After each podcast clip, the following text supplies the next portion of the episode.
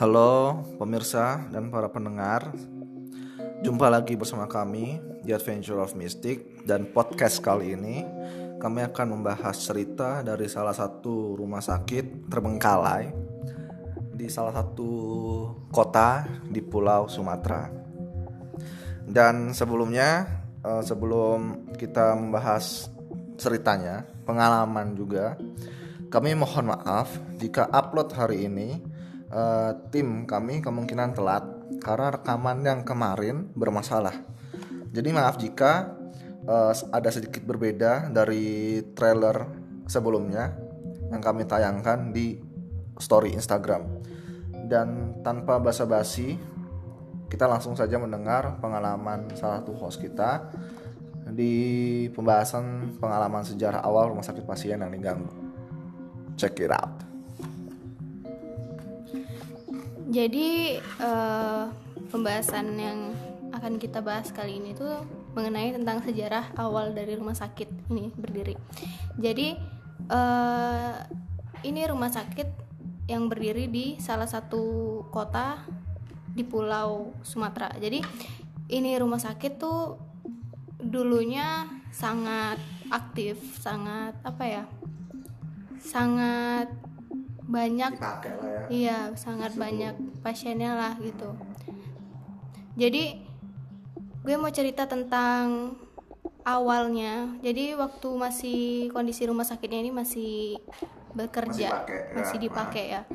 Jadi eh gue ini tinggal di salah satu rumah dinas di rumah sakit itu jadi gue tinggal di rumah dinas yang satu lingkungan sama rumah sakit satu pagar gitu Oh berarti bisa dibilang tuh rumah sakitnya punya pemerintah, Pemda. Aduh, gue kurang kurang tahu juga sih soalnya ini kan eh, gue sharing-sharing juga sama teman-teman Oh, sama oke. eh, orang-orang yang juga pernah mengalami hal-hal aneh gitu di rumah sakit karena kan yang tinggal di rumah dinas itu kan bukan cuma keluarga gue doang ada keluarga-keluarga lain ada perawat-perawat juga jadi yang kayak di rumah sakit tersebut. Iya, jadi gue juga sempat sharing ke beberapa narasumber juga tentang rumah sakit ini yang kemungkinan eh, cerita tentang rumah sakit ini bakal kita apa ya kita jabarin jadi beberapa episode. Jadi ini bakal banyak banget episodenya. Nah, yang pertama gue akan cerita tentang sejarah rumah sakit ini. Iya. Jadi rumah sakit ini eh, yang gue tahu dan gue dengar juga ini bangunan zaman Belanda. Oke. gue nggak tahu entah rumah sakitnya atau beberapa rumah dinasnya yang bangunan bangunan Belanda. Jadi eh, rumah sakit ini waktu masih aktif dan yang gue dengar cerita dari narasumber langsung jadi narasumber ini adalah eh, perawat salah satu perawat di rumah sakit itu jadi dia dia pernah cerita ke gue kalau dulu rumah sakit itu masih masih sepi. Dan juga buat lingkungan di sana itu masih sepi. Jadi eh, lingkungan sekitar itu cuma ada rumah sakit terus gue ingat itu perumahan Pertamina sama rumah-rumah cuma sedikit. Dan itu di depan rumah sakit sampai ke arah PLN itu mungkin sekitar satu kilo. Jadi dari dari depan rumah sakit ke PLN itu sekitar satu kilo itu adalah jembatan. Dan juga dulu aksesnya masih rada susah karena kan di situ cuma jembatan kayu katanya gitu. Terus jadi perawat-perawat ini kan sering ada dinas malam dinas malam. Jadi eh perawat ini cerita sama gue ini pengalaman dia. Jadi waktu dia dinas malam dan itu ada beberapa orang. Terus jadi mereka ini kayak sweet siapa nih yang mau beli makan malam ini? gitu. Jadi mereka sering ganti-gantian gitu beli makan. Ya udah akhirnya ada yang satu yang kalah cowok cowok kan. Sedangkan yang cerita narasumber ini cewek. Akhirnya ya udah si cowok ini pergi. Pergi pakai sepeda. Terus kan eh, tempat makannya ini katanya tuh di dekat PLN dekat PLN Ini kejadiannya ini malam pas eh, si cowoknya ini perawat cowoknya ini eh, beli makan. Iya malam malam. Terus jadi dia pergi pakai sepeda kayu lah sepedanya kan ngelewati jembatan itu. Katanya jembatannya emang terkenal angker juga. Terus pas lewat tiba-tiba kok makin lama waktu di kayu makin berat dia ngomongnya gitu kan makin berat. Terus dia ngeliat ke belakang dia boncengin cewek di sepeda. Dia kaget kan langsung kayak Astagfirullah ya Allah ya Allah ya Allah kayak baca-baca semua doa lah pokoknya dia takut banget. Akhirnya dia ngebut ngebut banget dia bilang dia ngebut banget. Akhirnya lewat terus udah enteng dia ngerasanya enteng terus dia kayak ya Allah tadi apa ya? gitu kan. Tapi yang dia ngeli dia lihat itu seorang perempuan. Bajunya putih rambutnya panjang. Dia ngomongnya gitu. Akhirnya untuk menghindari lewat situ tadi lewat jembatan itu tadi dia jalan muter. Padahal tuh muter tuh jauh banget untuk nyampe ke rumah sakit. Tapi dia untuk dia memilih itu, itu Biar cari aman aja ya. cari aman katanya gitu. Tapi itu cerita baru cerita pertama dari dari si perawat ini cerita si suster ini. Terus eh, cerita yang kedua jadi eh, ruang perawatnya ini dulu katanya tuh kayak hantu-hantu tuh kayak apa ya masih berkeliaran banget gitu loh. Berkeliaran banget. Jadi mereka kayak yang udah biasa kalau di rumah sakit itu ngelihat hal-hal kayak gitu perawatnya. Cuma mereka nggak mau kayak nunjukin ke pasiennya kalau di situ tuh ada ya untuk menutupi lah kan kayak gitu biar rumah sakit tetap ramai. Cuma eh, perawat-perawat ini kayak kadang tuh risih karena mereka tuh ngelihat langsung. Jadi pernah satu kejadian itu rumah sakit itu katanya lampunya mati sedangkan gensetnya itu lagi rusak. Jadi akhirnya tuh ada ibu-ibu yang baru melahirkan menyusuin anaknya. Sedangkan yang terang itu cuma di ruangan perawat jadi akhirnya ibu-ibu ini ngomong boleh nggak saya nyusuin anak saya di sini aja? Gitu. Akhirnya dibolehin sama perawat. Akhirnya dia nyusuin. Terus lama-lama kok mereka mencium bau bau-bau bunga gitu melati katanya makin lama makin menyengat. Terus eh, perawat ini ngelihat ke sebelah ibu-ibu tadi. Kayak kok itu ada yang berdiri kayaknya ya? Kayak gitu kan dia mikirnya kayak gitu.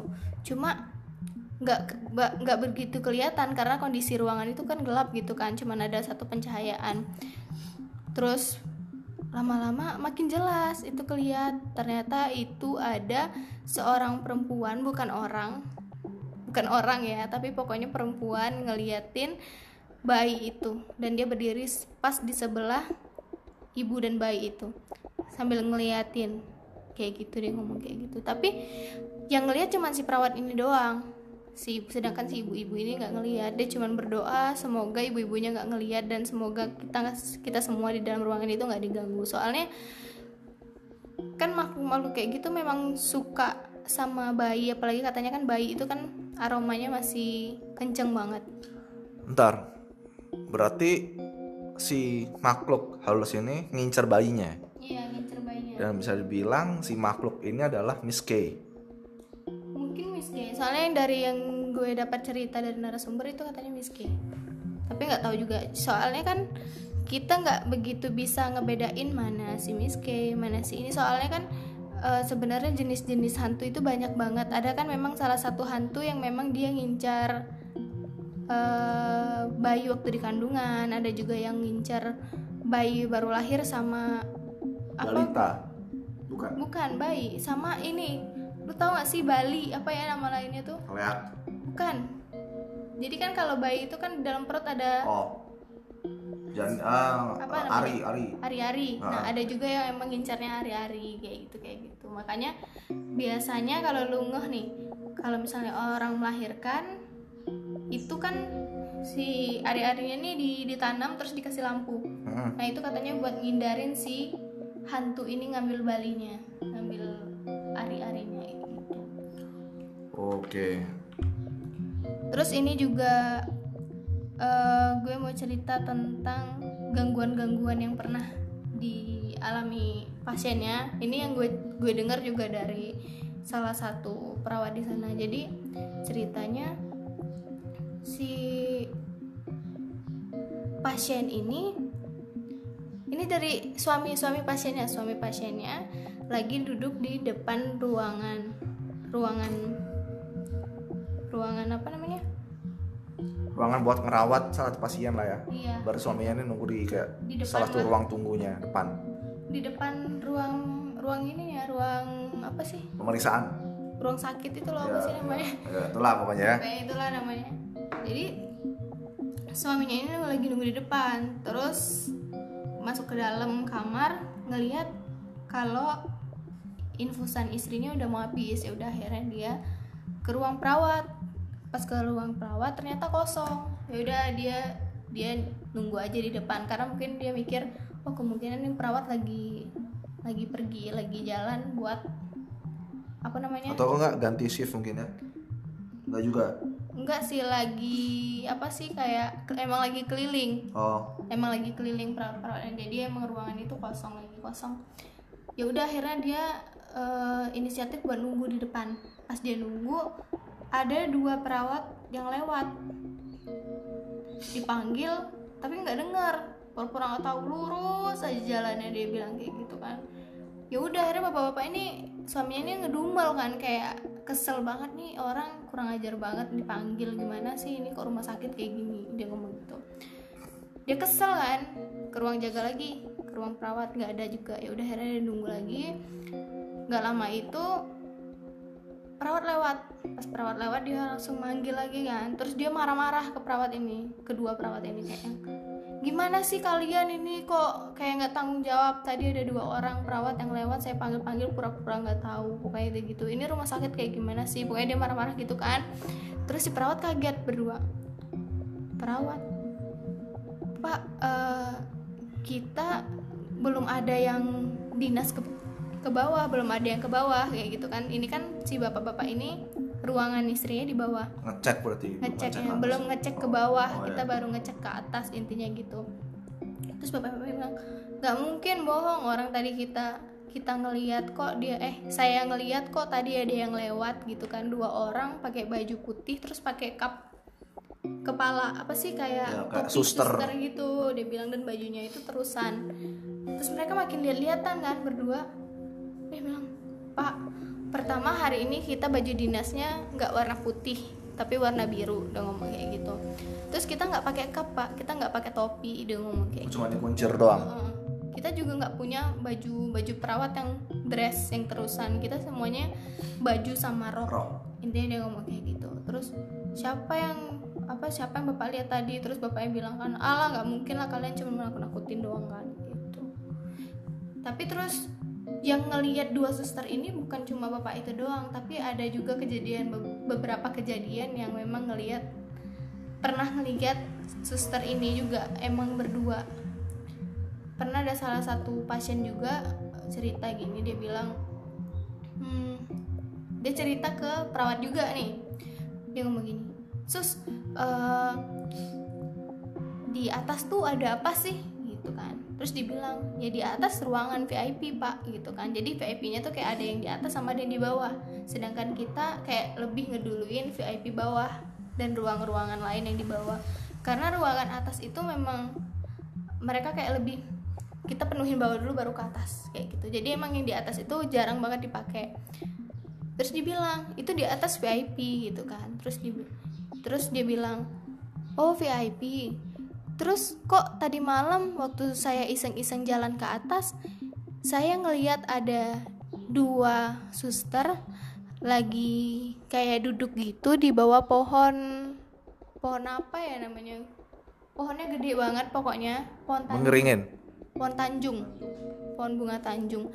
Lagi lagi di atas itu lagi duduk dia ngomong kayak gitu kan. Terus masa sih pak? Iya ya udah karena dia mikir nggak mau buat bapak ini takut ya udah dia diem aja. Tapi suster ini tahu apa yang dilihat sama si bapaknya ini?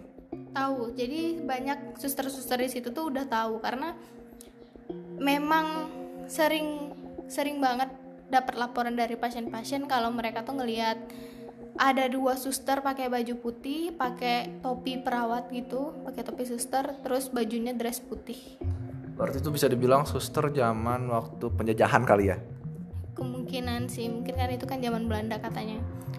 Terus juga banyak banget emang cerita-cerita tentang si suster ini, tapi yang gue tahu cuma cuma beberapa cerita itu doang terus juga